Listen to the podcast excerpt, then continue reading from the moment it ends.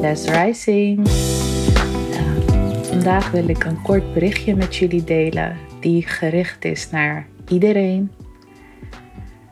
Je bent genoeg en je bent goed genoeg zoals je bent.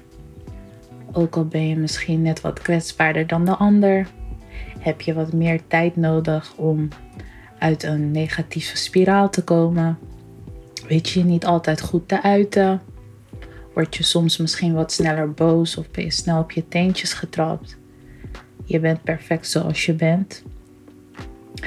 Ehm, we hebben allemaal eigenschappen die, ja, waar we niet zo blij mee zijn. Maar ik leer met de dag steeds meer dat we ook deze eigenschappen moeten omarmen.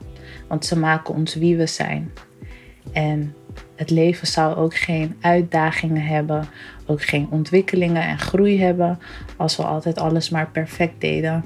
Dus ik hoop dat je vandaag niet te hard voor jezelf bent of bent geweest de laatste tijd voor iets wat je misschien niet goed hebt aangepakt en anders had willen aanpakken. Ik geloof erin dat dingen lopen zoals ze moeten gaan.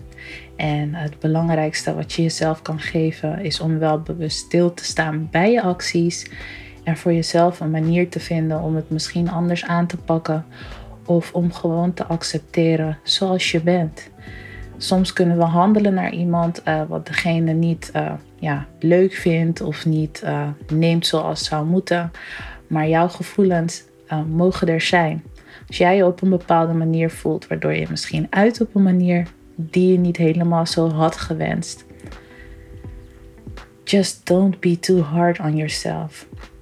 Je voelt en je uit gewoon wat je voelt.